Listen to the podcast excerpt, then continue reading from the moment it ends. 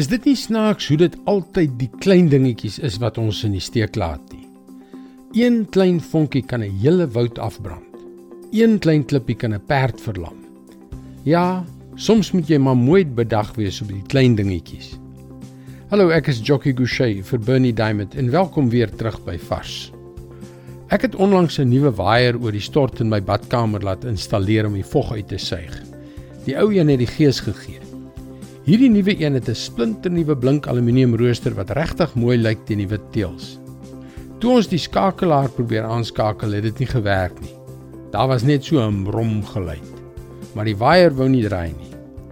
Die elektriesien moes terugkom om dit reg te maak. Dit blyk toe dat daar die kleinste klein klippie tussen die waierlemme en die buitenste omhulsel is.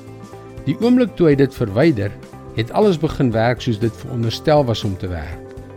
Ek en jy kan ook aan die buitekant fantasties lyk. Maar is dit nie waar dat die kleinste klein dingetjies aan die binnekant ons kan keer om te werk soos die vervaardiger dit beplan het nie? Jy weet mos, dis daardie klein gebreke in ons mondering wat ons terughou.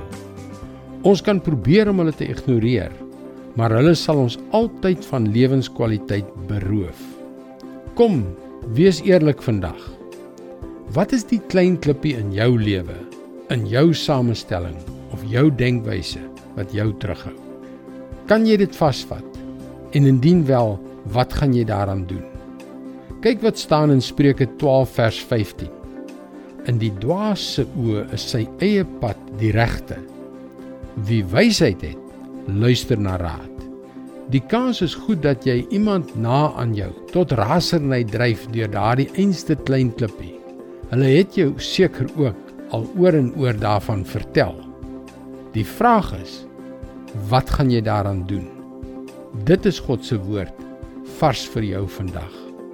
Dit is nie maklik om daardie gebreke in ons mondering te verander nie, want dit is diep ingewortel.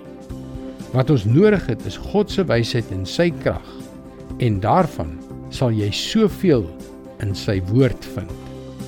Op ons webwerf varsvandag.co.za is daar baie hulpbronne om jou te help om antwoorde uit die Bybel te vind. Mooi loop. Tot môre.